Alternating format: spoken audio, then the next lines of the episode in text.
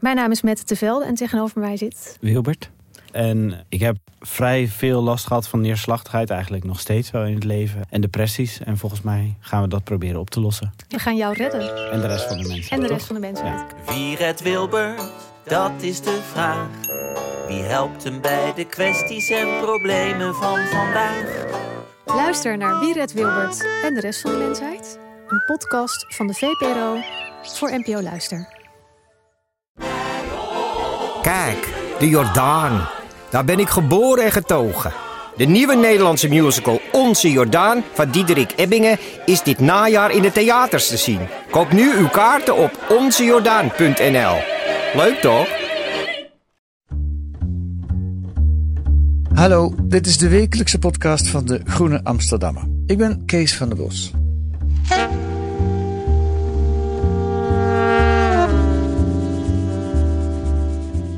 Vandaag gaan we het hebben over een andere krant. Nou ja, krant, de Groene is een weekblad natuurlijk. Iets groter dan de Groene, iets invloedrijker misschien ook. We gaan het hebben over de wakkerste krant van Nederland, over de Telegraaf. Wat is de grens tussen journalistiek en actievoeren? Is de Groene anders links dan de Telegraaf rechts is? Moeilijke vraag. Hoe komt het dat de Telegraaf steeds meer abonnees verliest en steeds rechtser lijkt te worden? Rashid Elibol, Koen van de Ven en Sal Hagen onderzochten dat en schrijven daarover deze week in De Groene. Drie is te veel en daarom zitten Koen en Sal hier aan tafel. Welkom in de podcast. Dankjewel. Eh Koen, je bent hier al eens eerder geweest. Eh, Ja. Sinds hoe lang ben je eigenlijk redacteur bij De Groene? Eh, sinds, ja, met tussenpozen twee jaar. Maar ik ben tussen ook wel weg geweest weer. Dus het, eh, op en af. Ja, maar nu wel echt Een- erbij. Ja, Een jonge redacteur van De Groene. Hoe oud ben je? Eh 27. Eh, en Sal, jij bent geen redacteur, maar dataonderzoeker. Eh, of niet? Wat, wat is dat? Ja, dataonderzoeker. Ik heb me die naam maar een beetje toegeëigend. Maar eh, ik ben eigenlijk eh, geesteswetenschapper, doe een PhD bij de eh, departement Media Studies. in- Promotie? Ja. precies, bij de UvA. Ja. En nou, daar doen we dus filosofisch, theoretisch onderzoek. Maar wat ons onderzoeksgroepje uniek maakt, is dat we ook dataonderzoek doen. En dat eh, al, vaker, geloof ik, in samenwerking ook met De Groene. Ja, klopt. Nou, we gaan eens kijken wat dat oplevert als je dan naar de Telegraaf kijkt. Ehm, het mooie van jullie stuk, laat ik dat maar meteen zeggen, is dat het geen opiniestuk is. Eh, Jullie proberen de Telegraaf echt te onderzoeken. Koen, ik neem aan dat je daar blij mee bent met Ja. die opmerking. Eh, daar ben ik heel blij mee, want dat was echt nadrukkelijk eh, de insteek. Het is wel, ehm, als je bij ons ook in het archief kijkt, eh, bijvoorbeeld jaren negentig kan je ook echt wel, ja, ook echt wel opinerende stukken vinden. Die zijn een stuk polemisch, maar dat was nadrukkelijk niet de opzet. Dus ik ben blij dat je dat eh, zo hebt gelezen. En waarom was dat uitdrukkelijk niet de opzet? Nou, ik denk, nou misschien eigenlijk de, me- de meest interessante reden, denk ik, is dat het misschien ook gewoon niet zo heel interessant zou zijn. Kijk, eh, de groene abonnees, eh, ik denk dat die nauwelijks overlappen met de Telegraaf-abonnees. Ik denk, tenminste, ik kom toevallig als ik kijk naar mijn ouders of de ouders van mijn vriendin, dat zijn allemaal mensen eh, die bijvoorbeeld echt eh, de ouderwetse hekel aan de Telegraaf hebben en aan hen nog een keer uitleggen dat ze dat geen leuke krant moeten vinden, vind ik niet heel interessant. Ik vind het eigenlijk veel leuk om te kijken en te praten met de mensen die hem maken. En gewoon, en misschien ook, hè, ik denk dat het hier en daar best wel kritisch ook is, maar we eh, zoomen ook in op wat maakt de krant mooi en succesvol. En waarom houden mensen ook van die krant? Dus dat Ja. vind ik misschien spannender ook om aan onze lezers ook te laten weten. Ja. En anders wordt het toch gauw preken voor eigen parochie. Ja, ja dat vind ik niet zo, zo boeiend. Ja.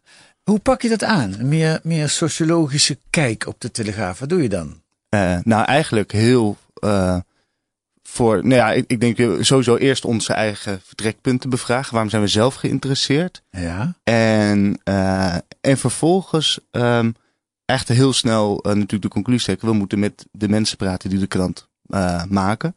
En daarvoor hebben we ook, dus dat was eigenlijk ook stap 1. dus Ja. stap 1 was eigenlijk, eh, we hadden heel snel hadden we een lijst met mensen die we wilden spreken. Ehm, we kennen er ook eh, veel mensen, ook mensen die publiekelijk telegraafgezichten zijn. Mhm. Maar heel snel bedachten we kunnen eigenlijk het beste wat we kunnen doen is gewoon eerst Paul Jansen, dat is de hoofdredacteur, ehm, met hem contact opnemen en gewoon zeggen we gaan dit doen. We, Ja. Dit stuk komt er en bij voorkeur het gaat over jullie, maar met, eh, we willen het ook graag met jullie maken. Als in, ieder geval willen dat jullie meedoen en dat jullie meespreken in dit stuk. En nou Ja. ken ik Paul Jansen als een open, redelijk open journalist, dus die was daar niet vies van.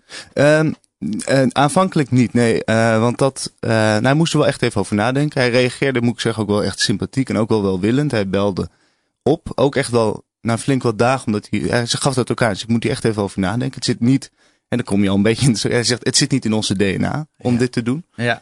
We doen dit zelden. Ehm, maar hij zei, ik, ik sta er eigenlijk toch wel welwillend tegenover.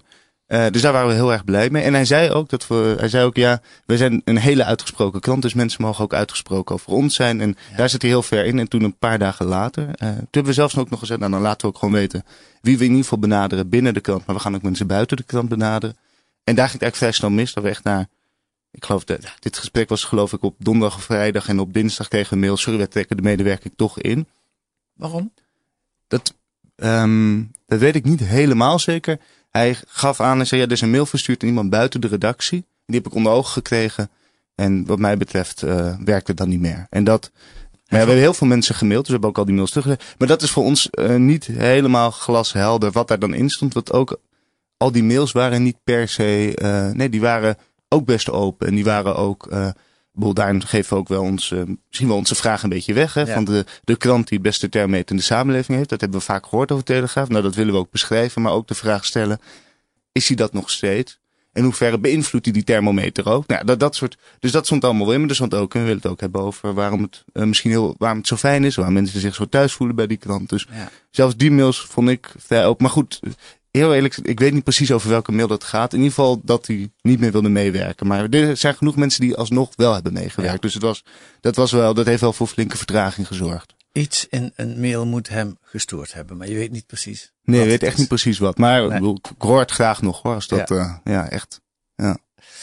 Jullie verhaal begint met Jan Muis. Eh, wie is Jan Muis en waarom begin je daarmee? Ja, nou eigenlijk omdat. ehm nou, wat we zijn, ik, ik, ik, zag de Telegraaf, la- las ik wel af en toe, maar om eerlijk te zijn, ook, ook niet echt elke dag. Ehm Nu wel, hè? De afgelopen ja, maand heb je zeker. Nou, en dat was een van de eerste dingen die we gewoon meteen zijn gaan doen. Ik zei, ik wil hem gewoon elke dag, en Racito, we gaan hem elke dag lezen. En, eh, en ook gewoon echt welwillend lezen. Wat gaat er goed, wat valt er op? Ehm, en een van de dingen, een van de pagina's die mij heel erg intrigeert, is de Wat U Zegt pagina. Dat zijn twee pagina's, een beetje achter in het dagblad. En daar komt de lezer aan het woord. En die in zeer korte briefjes. Vaak ook stevig ingekorte briefjes. Eh, dat is echt het. eh, ik was eigenlijk ook wel vast. Dat er zijn, is, zijn twee pagina's, soort opiniepagina's, maar dan met lezers dus. En dat daar is de tendens. eh, het zijn zakkenvullers en het zijn uitvreten. Echt op die manier. En Zijn dat dezelfde stukjes? Want dat valt me altijd op bij telegraafartikelen. Onder de artikelen op de website staan er soms wel honderden, 800 reacties heb ik al gezien. oh, dat. zijn, zijn ik, dat stukjes daaruit of is je ik weet niet of ze specifiek die ook weer verhuizen naar, eh, naar de printpagina's. Ze maken daar wel trouwens, ze maken wel ook op die pagina ook wel weer een soort verzameling van re- reacties die online zijn binnengekomen. Dus het is echt een soort Ja. hybride pagina waar echt de lezer aan het woord komt. En er viel één ding heel erg op. Echt, ik zat al, ja, zo ging dat. Ik al twee weken tegen ze, ik wil iets met deze pagina. Ik weet niet wat. Het is ook al verschillende keren wel eens benoemd dat Geert Wilders hem ook dagelijks leest. Eh, Ja, zegt, dus, dat lees ik in jullie stuk. Zegt Wilders dat? Of? nou, het heeft, het heeft in een. ehm, ik heb het echt op verschillende plekken gehoord. Heel snel, ik geloof in een podcast Betrouwbare Bronnen kwam het laatst weer langs. Ik heb een keer een boek over Wilders. en Wegen naar Wilders, mooi boek over de Wilderstemmer. Dus ik, heb, ik heb dat meerdere keer gehoord en dat vond ik een.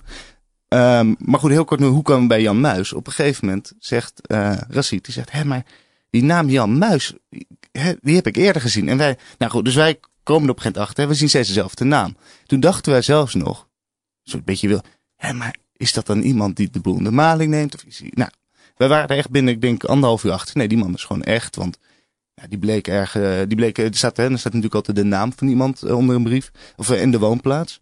En die konden we vrij snel eh, vinden. En die hebben gewoon gebeld. En dat was echt een hele aardige man. En die was ook wel, ik zeg nou meneer eh, Muis, ik, eh, ja, ik kom uw brieven tegen. En ik telde er zo snel al meer dan 200. En hij zei, nou, nou dat moet je keer drie doen. ik zei, keer drie? En sinds hoe lang dan al? Hij zei, ja, nou, sinds eh, een jaar of vier. Ik zei, nou, kunnen we een keer langskomen? Hij zei, ja hoor, ja, ik heb alle tijd. En, eh, dus wij, ik zei, ja, kan ik morgen? Nou, wij, ja, dat kon. Dus wij naar Tilburg.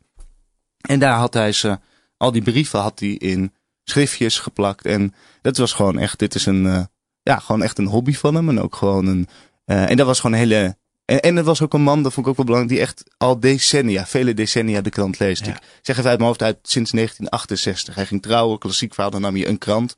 Eh, moest er niet lang over nadenken. Dat zou gewoon de Telegraaf zijn naast het eh Brabants Dagblad. En dan, ja, en dus hij is ook helemaal, hij, hij houdt ook echt van die krant. Dus dat vond ik ook heel belangrijk. We wilden juist die mensen ook spreken. Ja. En hij is ook wel een beetje de gemiddelde krantenlezer die ik me voorstel als telegraaflezer. Een, een, een, een, een- het is een beetje boze, eh, aardige, boze, blanke man. Die de wereld ziet veranderen en die dat niet helemaal kan, ja, ik wil niet zeggen bijbenen, maar die daar in elk geval eh, negatieve gedachten over heeft. Ja, ja, absoluut. Ja, nou ja, dat is echt. Het was verrassend hoe bijvoorbeeld ook. Nou, Paul Jans heeft in de korte gesprek die we met hem hadden, deelde hij heel kort even de speerpunten van de krant. Dat is heel kort de klimaat, integratie, immigratie, de middeninkomens, en nou, de inkomenspolitiek en belasting aan vast en de cultuurstrijd.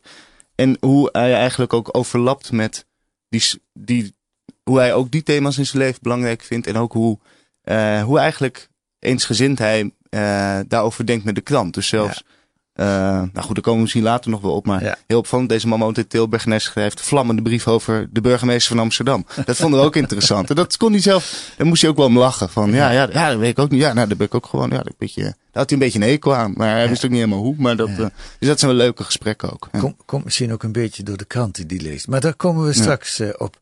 Eh, Sal, ik ga naar jou, de data onderzoeken. Eh, hoe gaat dat? Koen belt jou op en zegt, ik wil iets met de Telegraaf. Eh, kun je me helpen? Ja, klopt. Ehm, dus ik had eerder dit jaar ook al eh, met een verhaal samengewerkt met eh, Jaap Dielbeke en uh, Racit Elibol, die ook aan dit eh, eh, Ja. stuk werkte. En ehm, toen hebben we een keer vergaderd en jullie eh vertelden de plannen over dat jullie iets over de Telegraaf willen schrijven. En aangezien in het vorige stuk we ook al eh, brononderzoek naar kranten deden, lag dit, ja, was het vrij logisch om daar ook hiermee aan de slag te gaan. Oké, en dan moet je iets bedenken. Eh, een dataonderzoek om de Telegraaf beter te begrijpen. Wat, hoe doe je dat? Waar, waar kom je dan op? Ja, dat is, dat, het, het, het, aanvankelijk leek het heel eh, simpel. We dachten van, ah, nou, dan gaan we kijken welke woorden er op links eh, volgen. En dan ga je zien, oh, dat gaan linkse drammers worden. of iets dergelijks. Dat is maar ook hypothetische ja, gedachten, die spelen dan wel. Maar dat is eigenlijk best wel pittig. Want je, een, kijk, weet je, de voorbeelden waar we nu ook over spreken, dat zijn kenmerkende koppen. Of het zijn ehm, hele partijdige lezersbrieven. Maar als je op een grote schaal een krant onderzoekt, dan zijn het eigenlijk de hele, de, de, de geraffineerde specifieke gevallen. Ja. Ehm, dus dat moet je een stuk breder opzetten en vooral ook vergelijken met andere kanten om te zien wat eigenlijk een soort reflectie van de maatschappij is en wat er kenmerkend is aan de Telegraaf specifiek. Ja, en nou één ding wat je gedaan hebt is ge- gekeken eh, welk woord bij het woord elite eh, het meest gebruikt wordt Ja. in, in de krant. En dat vergelijk je dan eh, met ehm, andere kranten. Zeg ik dat goed? Nee, dat gaat alleen over de Telegraaf, deze, deze, eh, dit plaatje. En dan valt op dat ze elite begin deze eeuw 2002, 2004 nog nauwelijks gebruiken. En, en als ze het gebruiken is het op allerlei verschillende manieren. En dan vanaf 2005 tot, eh, tot dit jaar dan zie je zo'n stijgende lijn. En dan is het steeds de politieke elite. Ja, dat klopt. Ja, Eh, het, eh, dan ben je blij als zoiets eruit komt. Want dat, wat zegt dat? Ja, dan, ja, het is altijd fijn als er iets uh, opzienbarends uitkomt natuurlijk. En het is soms ook wel uh, graven natuurlijk. Uh, de Telegraaf als krant voor uh, de gewone burger. Nou, er zit een soort populistisch discours in. Dus um, aan de andere kant is dan ook interessant. Wordt er dan ook over de andere of over een elite gesproken? En zo ja, wat voor elite? Um, dus uh, wat we hier hebben gedaan is gekeken naar uh, de woorden die voor elite komen. Dus het zijn voornamelijk bijvoeglijk naamwoorden. En inderdaad, ja, kijk, je zou misschien kunnen verwachten linkse elite, maar de politieke elite, dus uh, Den Haag, maar misschien ja. ook de Europese uh, elite in Brussel, ja. die komen dan steeds meer in bod. En uh, dat staat niet in het stuk, maar we hebben het ook wel vergeleken met bijvoorbeeld dat er in de Volkskrant voorkomt. Ja. En daar zie je dat ook, alleen is het niet zo'n grote toename, uh, relatieve toename als in de Telegraaf. Oké, okay, oké. Okay. En dan heb je het meest gebruikte woorden rondom asielzoekers. Uh, en dat is bij de Telegraaf zijn dat veel negatieve woorden. Ja, dat was ook wel een groot uh, verschil met uh, bijvoorbeeld de Volkskrant, waar ja, de woorden die er omheen staan, een woorden als asielzoeker zijn, wat je misschien kan verwachten, uitgeprocedeerde uh, opvang, um, afgewezen. Ja. Alleen de laatste drie jaar zagen we dan eh, toch wat meer uh, polariserende of negatieve woorden daaromheen. Dus uh, crimineel, criminele, kansloos, kansloze. En die, die kwamen eigenlijk nauwelijks voor in de Volkskrant, maar ook niet in de jaren daarvoor in de Telegraaf. Dus dat, dat, dat viel wel heel erg op, ja. Ja, ja. Nou, het valt al een beetje. Een van de, de dingen die uit jullie stuk komen is dat de Telegraaf de laatste tien jaar een stuk naar rechts opgeschoven lijkt. Um, Wiert Duk, daar kun je niet omheen. Dat is, uh, hij is pas twee jaar bij de Telegraaf, maar hij is wel op radio, tv en Twitter en op de Mhm. eigen radio- en videokanalen van de Telegraaf een prominente vertegenwoordiger van de krant. Laten we even luisteren naar een compilatie Wiert Duk. Zo langzamerhand, ook als je met mensen in het land spreekt en zo, krijg je telkens te horen dat dus heel veel Nederlandse burgers echt totaal geen begrip meer hebben voor wat zich daar in Den Haag allemaal afspeelt en de, de klimaatmaatregelen die daar worden genomen. En ik vind het wel eens goed als de krant eh, daarop attenteert en zegt, joh, waar zijn jullie nou in Den Haag eigenlijk eh, mee bezig? Het interessante is hè, dat de politiek dan zegt: ja, maar 97 of 99 procent van de wetenschap hè, uh, onderkend is. Terwijl hele grote wiskundigen zeggen: joh, die modellen die, die zijn niet toereikend. Met die modellen waarmee we nu meten en waarmee we voorspellen, kunnen we dat helemaal niet omdat deze mensen ook die anti-Zwarte Piet discussie voeren. Hè. Zij vinden dat wij ons opnieuw rekenschap moeten geven van onze, nou ja, eigenlijk van de iconen in onze samenleving. Daar is die Zwarte Piet eigenlijk ook één van, hoe vreemd het ook klinkt. En uh, het, het onwenselijke is, en dat vinden, dat vinden wij als Telegraaf, dat het is niet aan deze mensen is, aan een kleine groep mensen, om te bepalen uh, hoe onze geschiedenis moet worden ja. geschreven. Dat is aan een historici, aan andere deskundigen. En uh, nog ons onwenselijker is dat de mainstream politiek en ook media en bestuurders zo snel toegeven aan de eisen van wat eigenlijk een kleine en luidruchtige groep is.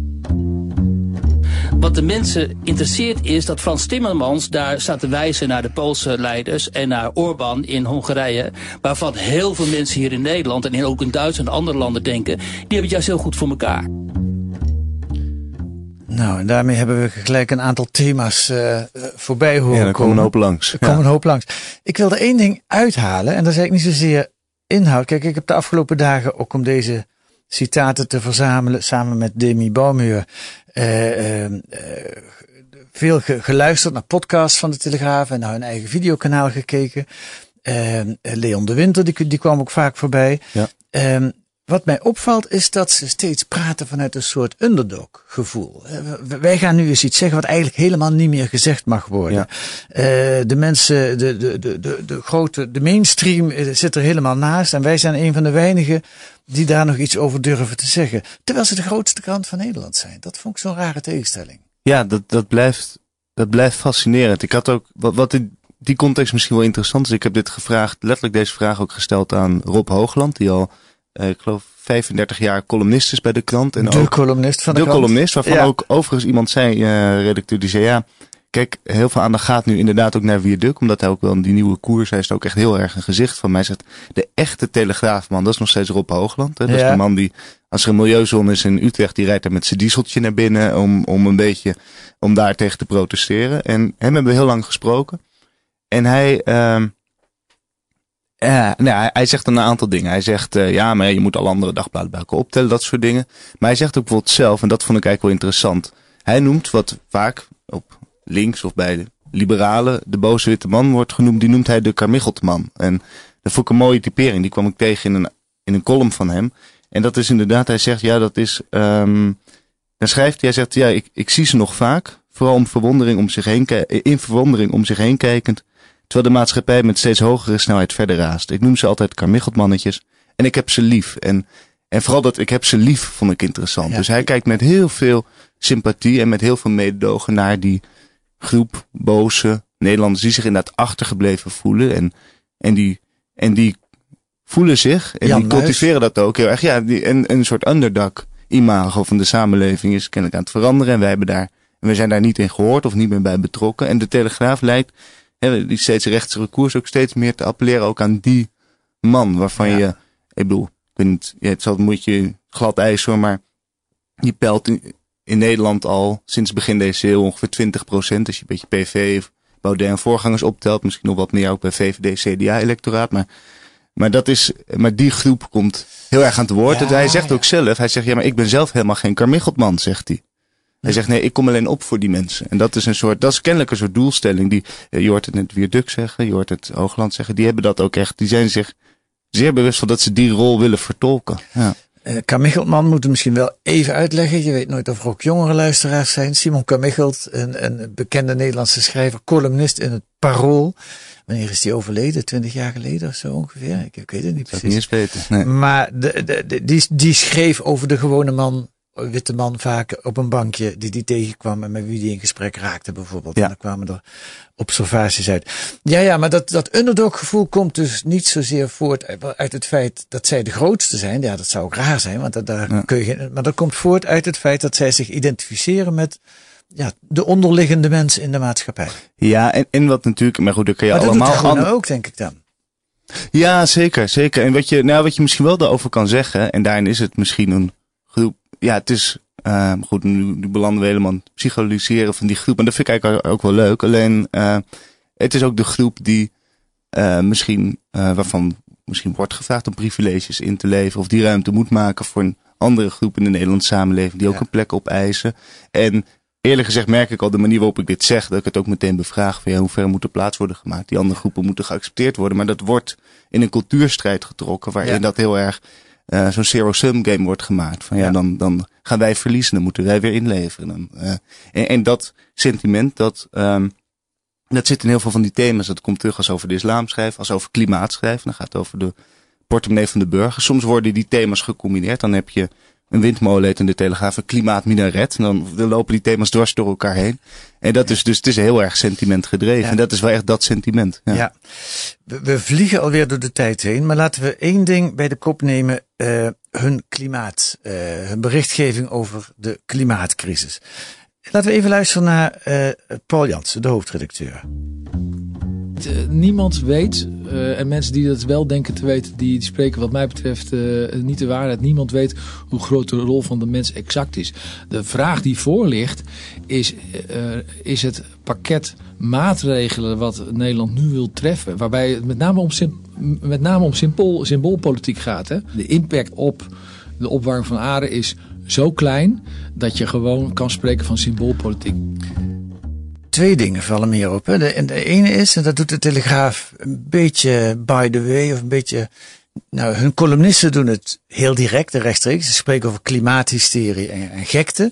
De hoofdredacteur doet het iets voorzichtiger, maar zaait toch ook twijfel. We weten helemaal niet zeker of de mens wel verantwoordelijk is. Hè, dat het klimaat verandert, dat ontkent niemand meer.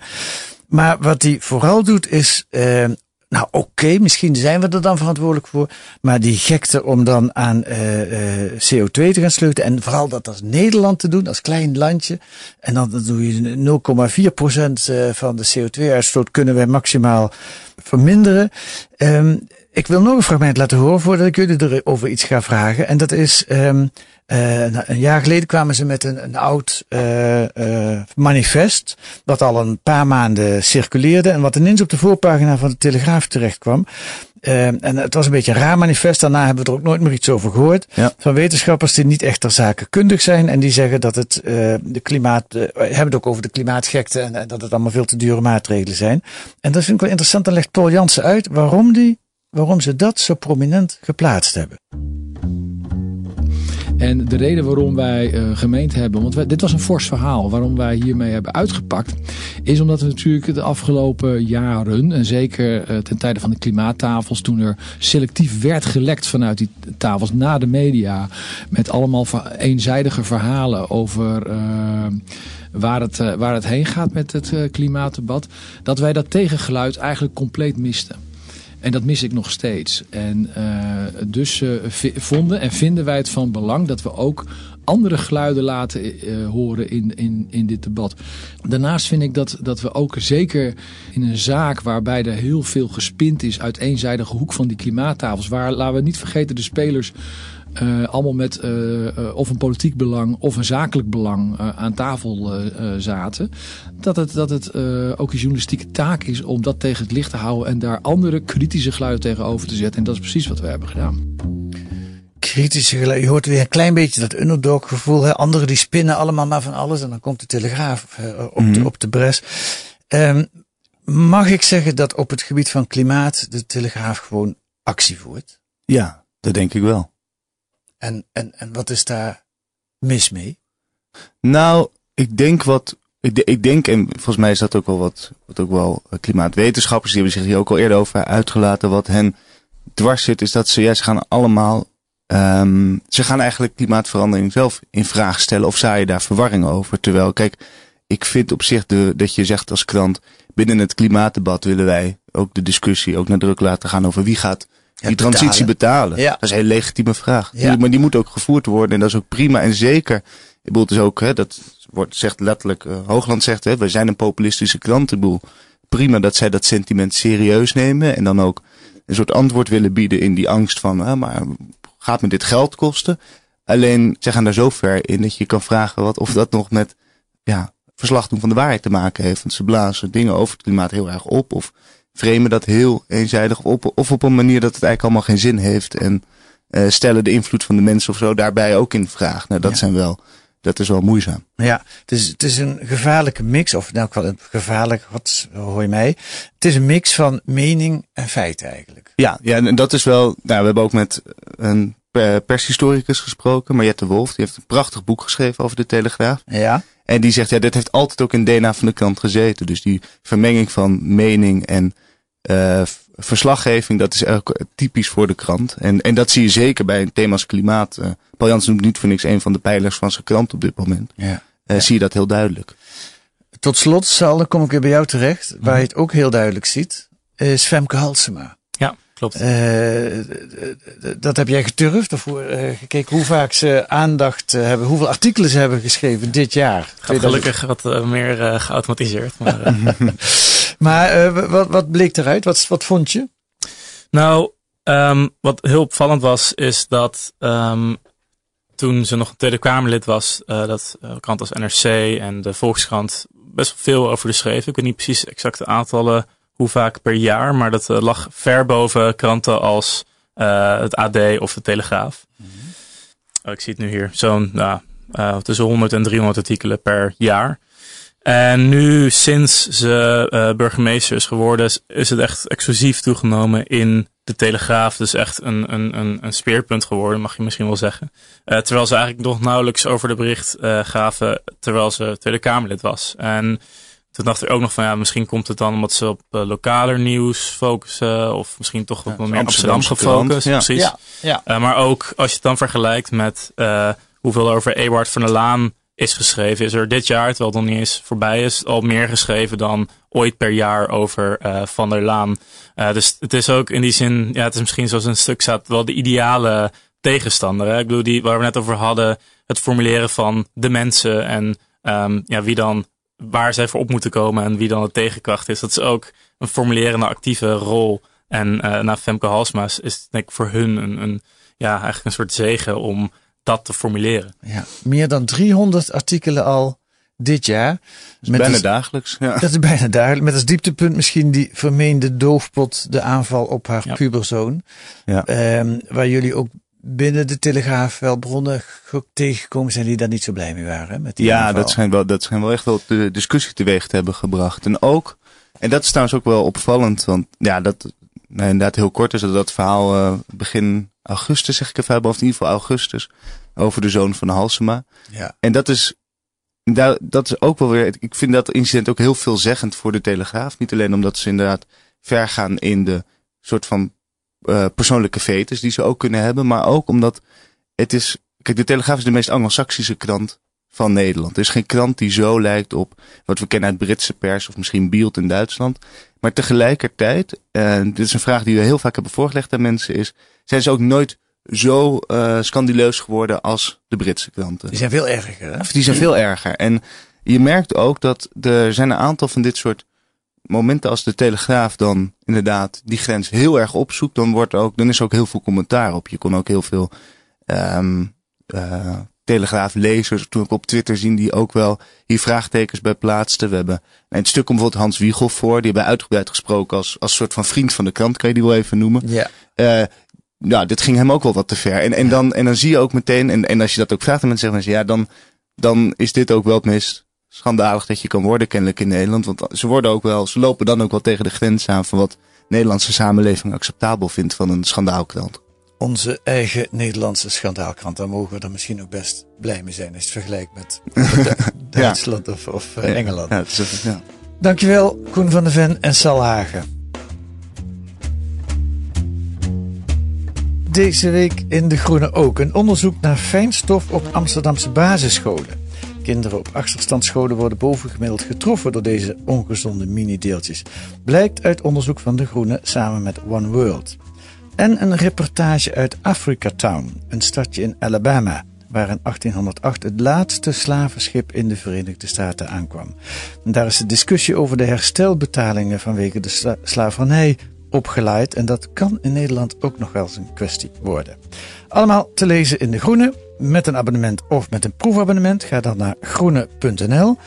Volgende week zijn wij er weer met analyses en achtergronden bij het nieuws in deze podcast van de Groene Amsterdammer. Oh ja, en ook even de telegraaf die hier op tafel ligt.